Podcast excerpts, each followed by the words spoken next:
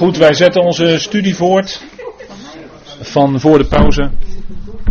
En toen hadden we het even over dat begrip verleiding, maar dan gaan we nu, we gaan nu verder met uh, andere dingen weer. Galaten 6 vers 4, laat ieder zijn eigen werk toetsen.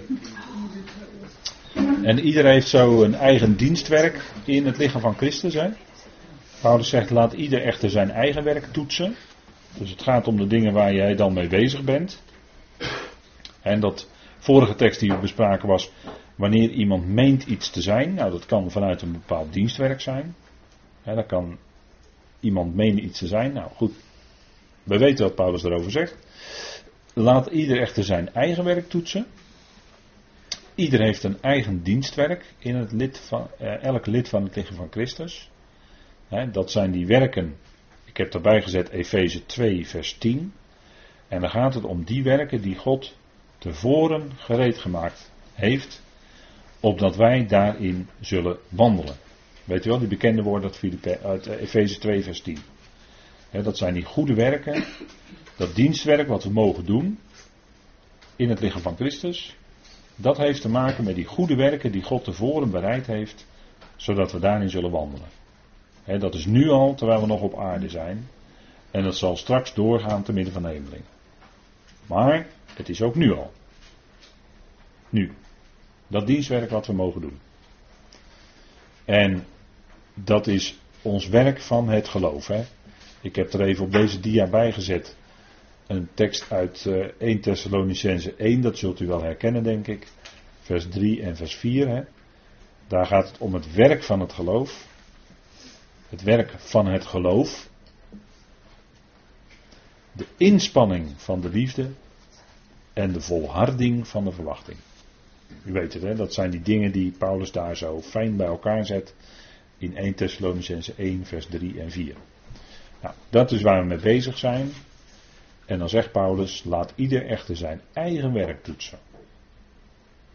Ieder heeft dus zijn eigen werk. En het gaat er niet zozeer om dat wij elkaars werk toetsen. Nee, iedereen heeft zijn eigen werk. Dus het heeft dus niet zozeer de, de bedoeling dat wij het werk wat de ander doet gaan beoordelen, of uh, zo mogelijk veroordelen, dat is nog veel erger. Maar het gaat erom, laat ieder zijn eigen werk toetsen. Hoe jij bezig bent. Toets je eigen motieven aan het woord. Het werk, hoe je dat doet, wat je doet, toets het aan het woord. Daar heb je allemaal zelf, daar heb je allemaal zelf mee te maken. En zit je ergens mee en, en weet je, en het kan best zijn dat je ergens mee zit. Nou, dan kan je misschien bij deze of geen om raad vragen. Dat kan een keer gebeuren. Maar in principe is het, laat ieder zijn eigen werk toetsen. En we hoeven ons niet uh, ongevraagd met het werk van een ander te bemoeien. Dat is het werk wat die ander doet.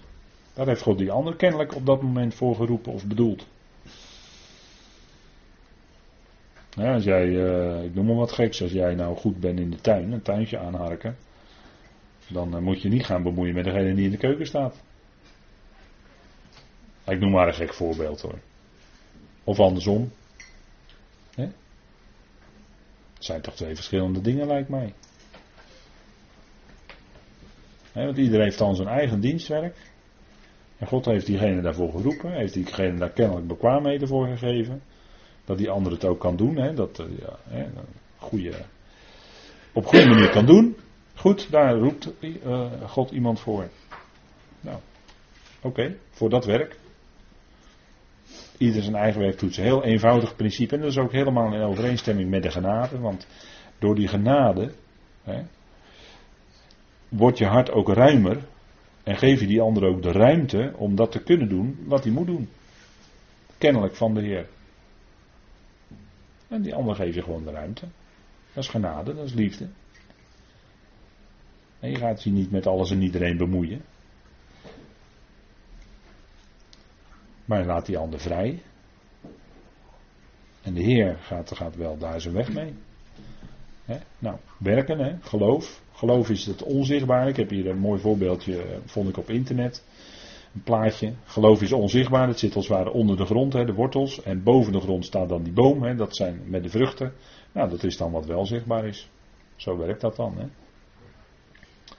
De vrucht van het geloof.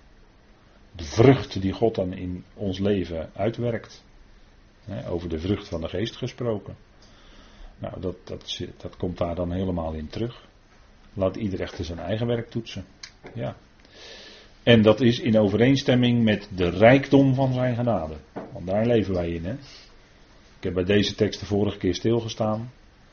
Maar wij leven in de rijkdom van zijn genade. En ik herhaal het nog maar eens een keer.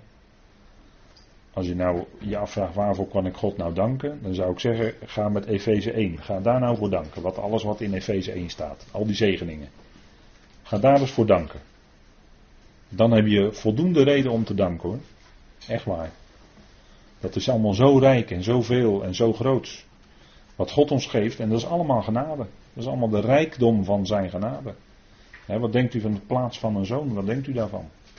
Dat is wat hoor. Als je de plaats van een zoon hebt gekregen in de geliefde. Nou nou, dat is alle reden om God te danken. want dat is me een plaats. Tjonge. En daar is die hele genade voor bedoeld. Hè? Dat God ons zal laten stralen als zonen. Wanneer wij onthuld zullen worden aan de hele schepping. Want daar wacht de schepping op. Hè? De schepping die kijkt met rijkhalsend verlangen uit, zegt Paulus in Romeinen 8, naar de onthulling van de zonen van God. En dat zijn u en ik, de gemeente, het lichaam van Christus. Die worden onthuld. En dat zal een licht geven in het universum hoor. Dat zal een enorme lichtbundel zijn. En niet alleen letterlijk, maar natuurlijk ook vooral geestelijk. Maar het letterlijke is dan een uitbeelding van het geestelijke licht. Wat dan door gaat breken in die schepping. Dan zal die hele, aan al die hemelingen het licht van Gods woord gebracht worden. Het licht van wie God is, wie Christus is. En dan zullen zij tot onderschikking gebracht worden. Wat een toekomst hè, hebben we als gemeenteleden. Ongelooflijk. Nou, niet ongelooflijk, geloof het maar, want het is zo. dat is nou in overeenstemming helemaal met de rijkdom van zijn genade. En in Efeze 2 klinkt zelfs de overstijgende rijkdom van zijn genade. Nou, dan, dan heb je helemaal, kom je woorden tekort om God te danken.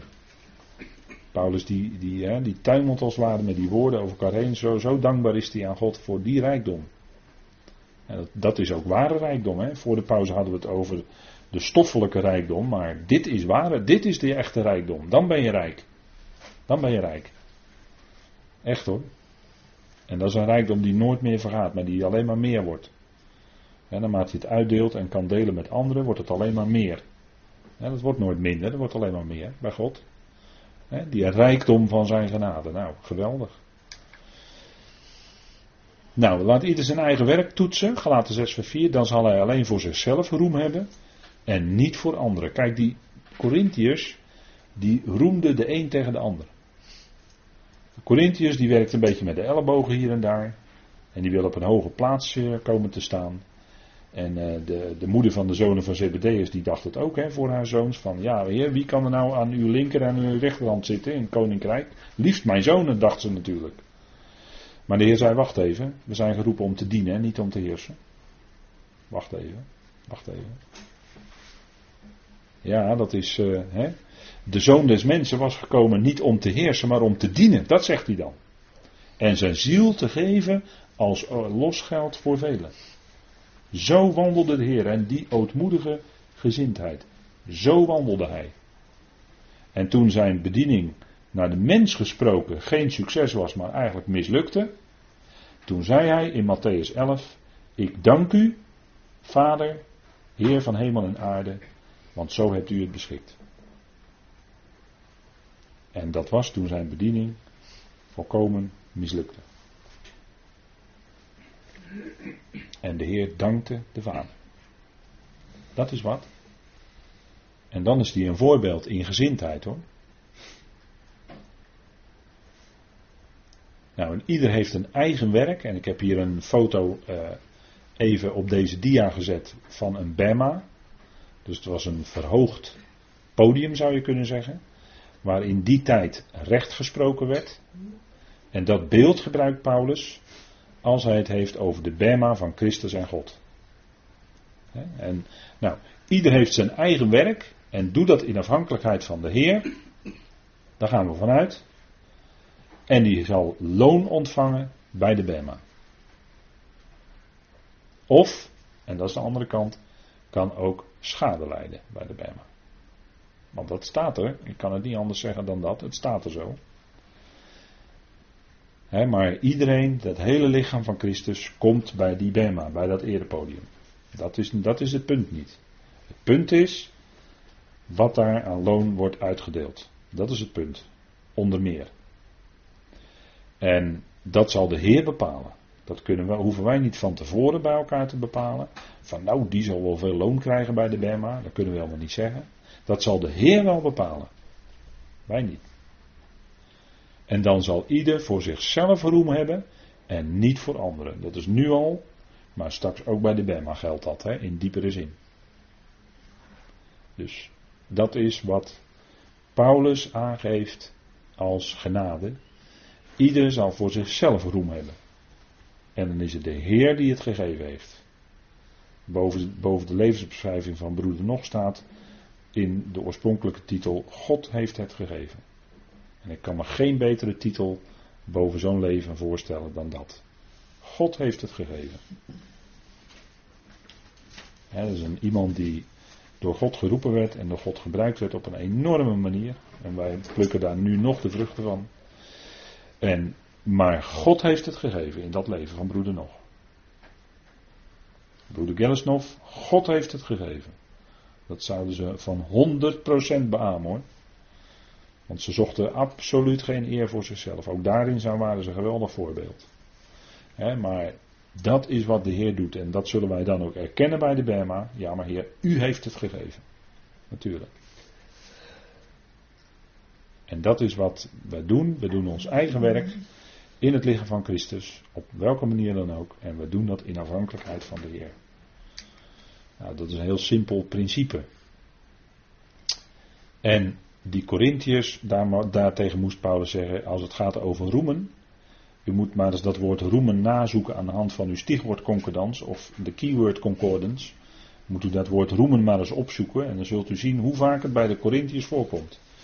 Want die waren bezig te roemen op vlees. Die waren bezig te roemen, zich te beroemen in mensen. Ik ben van Paulus, ik ben van Apollos, ik ben van Kefas. Ze beroemden zich op mensen. En waar gaat het nou om, zegt Paulus? Het gaat om de Heer. Dat ene lichaam, allemaal één in dat lichaam van Christus. En dan gaat het niet om of je nou een mens achterna loopt. Maar het gaat erom dat woord, de Heer centraal, zijn woord centraal, daar gaat het allemaal om. Roemen in de Heer, hè? Wie roemt, roemen in de Heer, zegt Paulus. Dat is onze roem. Hij is onze roem. Daar kan je het gewoon mee samenvatten hoor. En we zoeken niet naar eer van mensen. En we kunnen ons ook niet naar de mens, zoals Jacobus dan zegt, voornemen van wij gaan eens dat en dat werk opzetten. Hè, want uh, in, in de christelijke wereld wordt heel wat, uh, wat management gepleegd. Hè. Dan gaan wij managen en dan gaan wij ervoor zorgen met allerlei groeimodellen dat onze gemeente of onze kerk over vijf jaar gegroeid is met vijf of tien procent aan leden. Nou, dat is de wereld hoor. Dat is de wereld in de kerk, om het zo maar te zeggen. Dat is de wereld in de gemeente. Dat kun jij niet managen. En dat zegt Jacobus ook. Laat maar even opzoeken, Jacobus. Doen we niet zo vaak. Maar is wel eens goed om te kijken wat Jacobus daar nou eens van zegt. En dan kunnen we misschien meteen weer ontnuchterd worden. Voor zover u dat niet was, dan wordt u door Jacobus uh, hier en daar flink uh, ontnuchterd hoor. Kan soms wel eens heel gezond zijn om dat te lezen. Jacobus 4.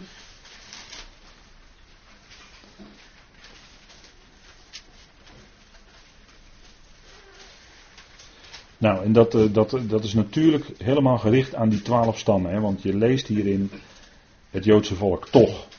Vanaf vers 13. Zegt Jacobus in Jacobus 4. En nu dan, u die zegt, wij zullen vandaag of morgen naar die en die stad reizen.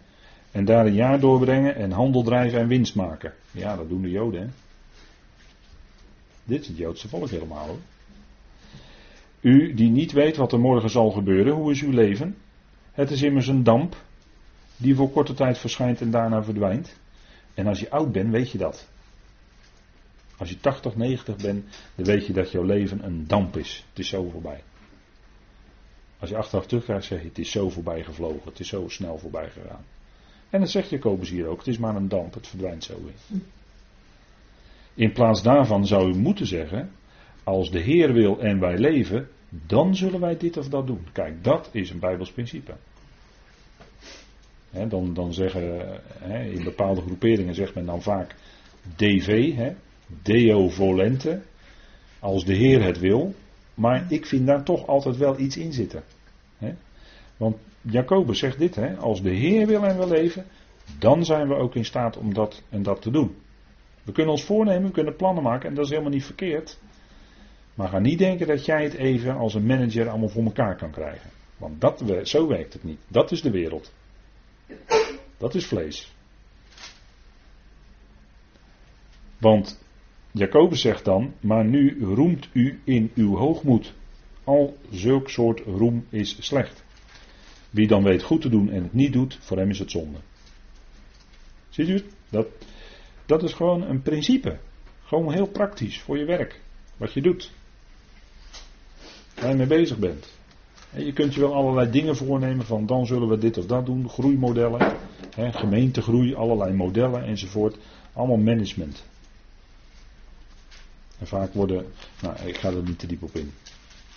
Anders ga ik allemaal dingen zeggen die uh, voor, voor nu helemaal niet zo belangrijk zijn om te zeggen. Maar daarin zie je wel de wereldse principes in gemeentes, in kerken een rol spelen. Ja, en daarin zouden ze toch, soms denk ik, daar zou je toch een Gods woord op moeten naslaan. Maar ja. We gaan door. Ieder zal zijn eigen lading dragen. Hè? Dat geldt bij die beesten geldt dat ook. En dan stel je voor dat nou één beest al die lading moest dragen. Nee, er zijn er verschillende, dus die lading kon mooi verdeeld worden. Ieder zal zijn eigen lading dragen. Kijk, en ieder doet het eigen werk en zal er voor zelf rekenschap afleggen bij de Bema. En uiteindelijk is de Heer verantwoordelijk voor alles, maar als gelovige zul je rekenschap afleggen bij de Bema. En Paulus verkondigde, ik heb wat voorbeelden erbij gezet. Paulus verkondigde en anderen hielpen. Er was allerlei dienstwerk te doen in de plaatselijke gemeente. Het kan best zijn dat jij, uh, dat jij de stoelen klaarzet. En een ander die uh, speelt een muziekinstrument. En een ander uh, geeft onderwijs uit de Bijbel aan de kinderen.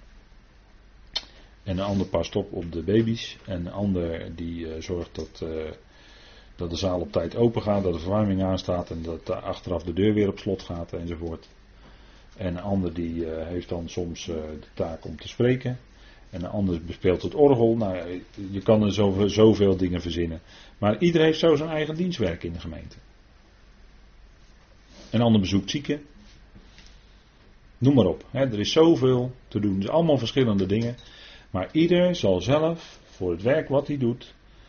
Rekenschap afleggen bij de Berma aan de Heer. En dat is, zo, zo heeft God dat geregeld. Ieder doet zijn eigen werk. En daarom zegt Paulus: ieder zal zijn eigen lading dragen dus ieder, de Heer weet in zijn wijsheid heus wel hoeveel lading je kan dragen.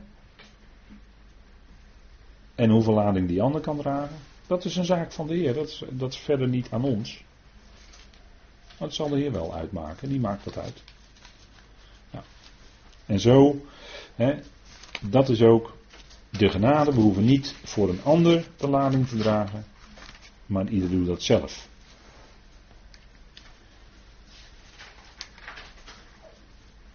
Nou, even een mooi plaatje tussendoor. En dan wil ik vanavond eindigen met vers 6 van Galaten 6. Hij echter die onderricht ontvangt in het woord, laat hem die onderricht geeft, delen in al het goede. Nou, dat is gewoon een Bijbels principe waar Paulus het wel vaker over heeft. dat is. Uh, uh, een, er is een regel. Je zou misschien, wij zouden in onze tijd zeggen. Dat is een recht hè, waar Paulus het over heeft. Hier wordt verwezen onder andere naar 1 Korinthe 9. Laten we het even met elkaar opzoeken. 1 Korinthe 9.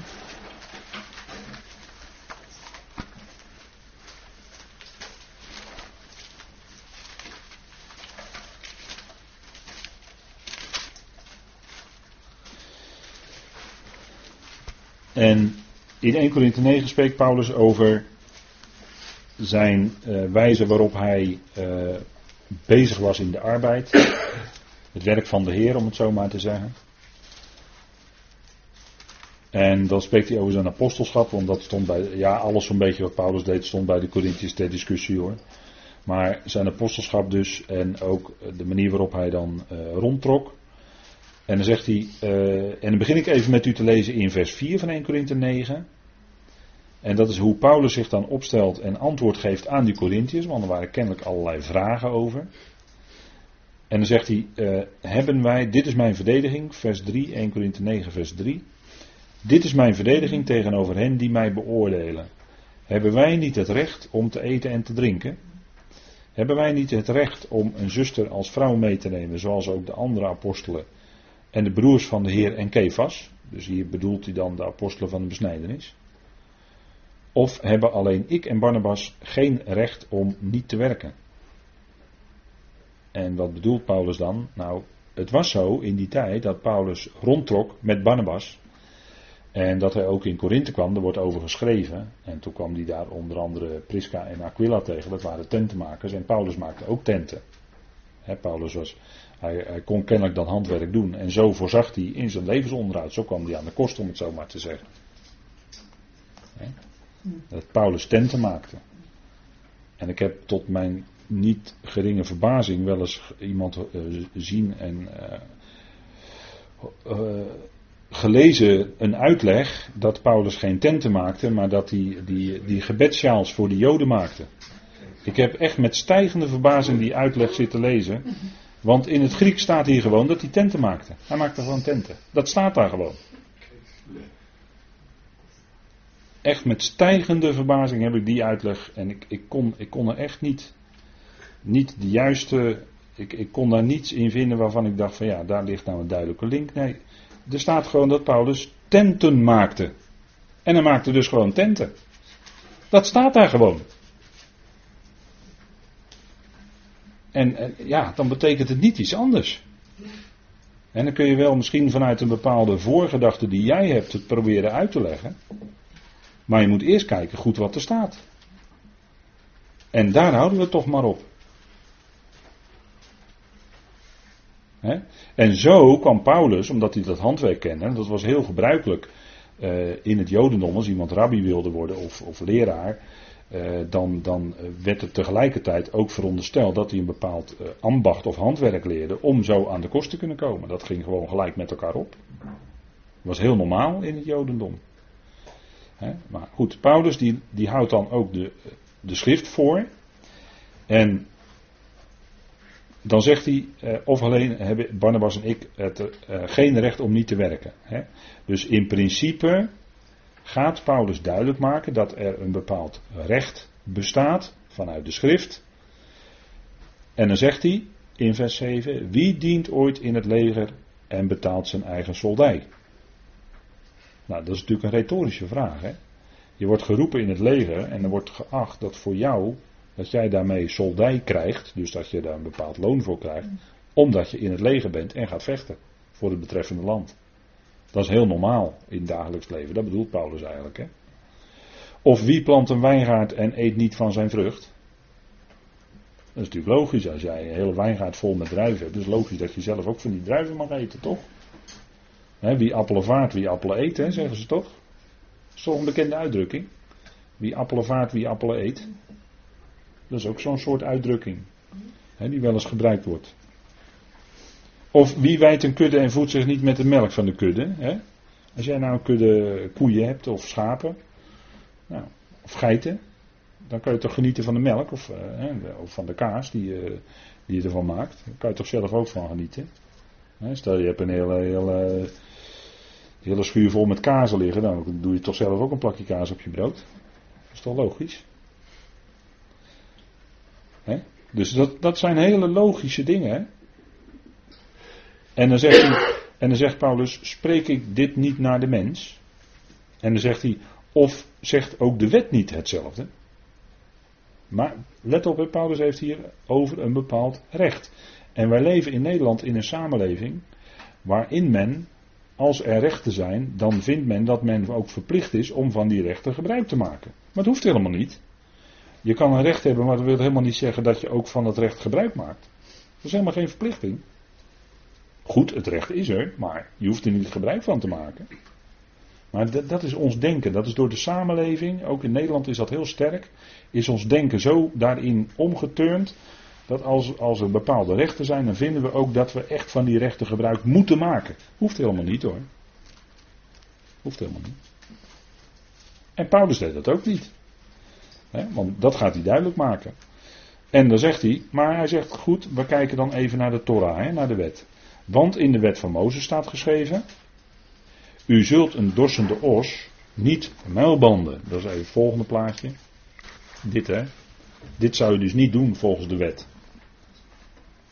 Want wat doet die os? Die is aan het dorsen, dus die loopt over dat graan om die korrels eruit te krijgen. En intussen mag hij ook van het graan eten, wat hij aan het dorsen is. Daar was in voorzien in de wet. En dan zegt Paulus, waarom staat het nou in de wet? Nou, dat heeft eigenlijk met het menselijke verkeer te maken. Een dorsende os zul je niet muilbanden. En dan zegt hij, bekommert God zich al dus, of bekommert God zich alleen maar om de ossen? Dus om het dieren? Nee, tuurlijk niet. Paulus zegt, dat staat in de wet, omdat het iets duidelijk maakt voor ons. En dat zegt Paulus ook in vers 10. Of zegt hij dit vooral om ons? Ja, om ons is geschreven dat wie ploegt, in verwachting hoort te ploegen. En dat wie in verwachting dorst, het deel waarop hij, dat, dat hij ook deel heeft aan dat wat hij verwacht te krijgen. Dus als je bezig bent met dorsen, ook als boer zijnde, dan mag je zelf ook van het graan eten. Nog een punt, hè, wat hij dan daarbij aanhaalt. Of in vers 11, als wij bij jullie het geestelijke gezaaid hebben, het woord van God. Is het dan te veel als wij van jullie het stoffelijke of het vleeselijke oogsten? Dus dat daar ook een compensatie voor is? Maar, nogmaals, Paulus is nog steeds bezig te praten over een bepaald recht. Wat hij mogelijk zou kunnen hebben. Vers 12. Als anderen aan dit recht over u deel hebben, wij niet des te meer. Wij hebben echter van dit recht geen gebruik gemaakt. Maar wij verdragen alles. Opdat wij geen enkele hindernis opwerpen voor het evangelie van Christus. Zie je? Dus Paulus bracht dat woord om niet. Hij hoefde daarvoor geen compensatie te krijgen. Hij maakte niet gebruik van dat wat misschien in principe een recht zou kunnen zijn. Maar hij maakte er geen gebruik van. Waarom niet? Hij wilde geen enkele hindernis opwerpen voor het evangelie van Christus. En wij kennen dat nog wel in de uitdrukking: diens brood, wiens brood men eet, diens woord men spreekt. Dus als je helemaal vrij wil zijn, dan zou je niet financieel afhankelijk zijn van anderen. Dan ben je helemaal vrij. En dat is ook naar de genade. Want dan kun je het evangelie ook om niet brengen. Gratis. En als, als u dan uh, tegen mensen zegt van ja, u mag gratis een boekje bestellen. Dan vragen mensen toch nog, ja, moet ik, maar moet ik er dan niet iets voor betalen? Of, of kan ik een gif geven? Dan zeg ik nee, het is gewoon gratis, genade. En dan merk je gewoon dat mensen daar soms echt moeite mee hebben. Nee, je krijgt het zomaar. Het is, er is voor betaald, het is gratis, om niet, genade, klaar. En dan vertel je daarmee natuurlijk toch iets van het evangelie. Dat zit er dan toch een beetje in, hè? En Paulus zegt dan, kijk, dan zijn we geen hindernis voor het evangelie van Christus. Want hoe gaat het in kerken? Dat is een heel duidelijk voorbeeld. Daar krijgen predikanten een tractement. Dus die krijgen, die krijgen bezoldiging vanuit de kerk betaald door de kerkenraad. Maar dan zijn ze wel gebonden aan die kerkenraad. Ze zijn gebonden aan die kerk. En ze moeten zich houden aan de leer van de kerk. En aan de, uh, hè, als het gaat om kerken in het algemeen, is het drie formulieren van eenigheid. Die moeten ze ondertekenen, onderschrijven. Dat is de voorwaarde. En dan krijgen ze tractement. Maar dan moeten ze zich houden aan die drie formulieren. En dan kunnen ze dus niet, zodra ze daar buiten gaan treden, ja, dan worden ze eruit gezet. Dan ben je dus niet vrij. En dan heb je eigenlijk een hindernis voor het evangelie van Christus. Begrijpt u? Zo werkt dat dus. Maar als je zelf op een of andere manier in je levensonderhoud voorziet zoals Paulus dat deed, tent te maken, ja, dan ben je helemaal vrij. Dan ben je aan niemand gebonden. Je kan zeggen, alles zeggen wat Gods woord, wat God wil dat je zegt, wat Gods woord zegt. Kan je alles spreken, ben je helemaal vrij. En er is niemand die jou kan beletten om dat uit te brengen. Want je bent vrij. En dat is helemaal naar de genade. En je brengt het evangelie om niet, dus geen verhindering. En dat is, uh, dat is eigenlijk het hoogste principe en dat hanteerde Paulus. en dat is een heel gezond principe hoor. Dat je niet afhankelijk bent van geldschieters, want ja, er komt misschien dan een dag dat je iets zegt wat de geldschieter of geldschieters niet zint en ze trekken hun geld in. Ze houden hun geld in. En dan heb je niks meer. En dan zit je. Begrijpt u? Maar je bent helemaal vrij. Als je helemaal vrij bent, dan ben je ook helemaal vrij. En dan kun je alles zeggen. Gewoon wat er in het woord geschreven staat. Nou, en dat is je dan alles waard. En daar, daarvoor doe je dat dan. En daarvoor maakte Paulus dan tenten. Nou, een mooi voorbeeld, denk ik. Hè? En dat is ook wat, uh, wat Paulus dan betoogt. Hè. De laatste tekst die ik dan heb is 1 Timotheus 5, maar er staat eigenlijk hetzelfde. Daar haalt Paulus ook die dorsende os aan. En uh, de oudsten die dan uh, daarin voorstaan en ook medearbeiden in het woord en in het onderricht. Hè, dan, daar zegt Paulus bepaalde dingen over en dan zegt hij ook, ja, een dorsend os moet je niet muilbanden. Maar uh, dan stelt hij dat ook helemaal vrij, hè, daar waar je kan of wil. Ja, goed. Maar het is, niet, het is allemaal vrij. Dus uh, degenen die dat woord spreken zijn dan ook vrij. Hè, als ze zelf uh, tent te maken, om het zo maar te zeggen, dan zijn ze ook vrij om uh, het woord te kunnen spreken. En dat is een heel gezond Bijbels principe. Goed, ik wil het hierbij laten voor vanavond.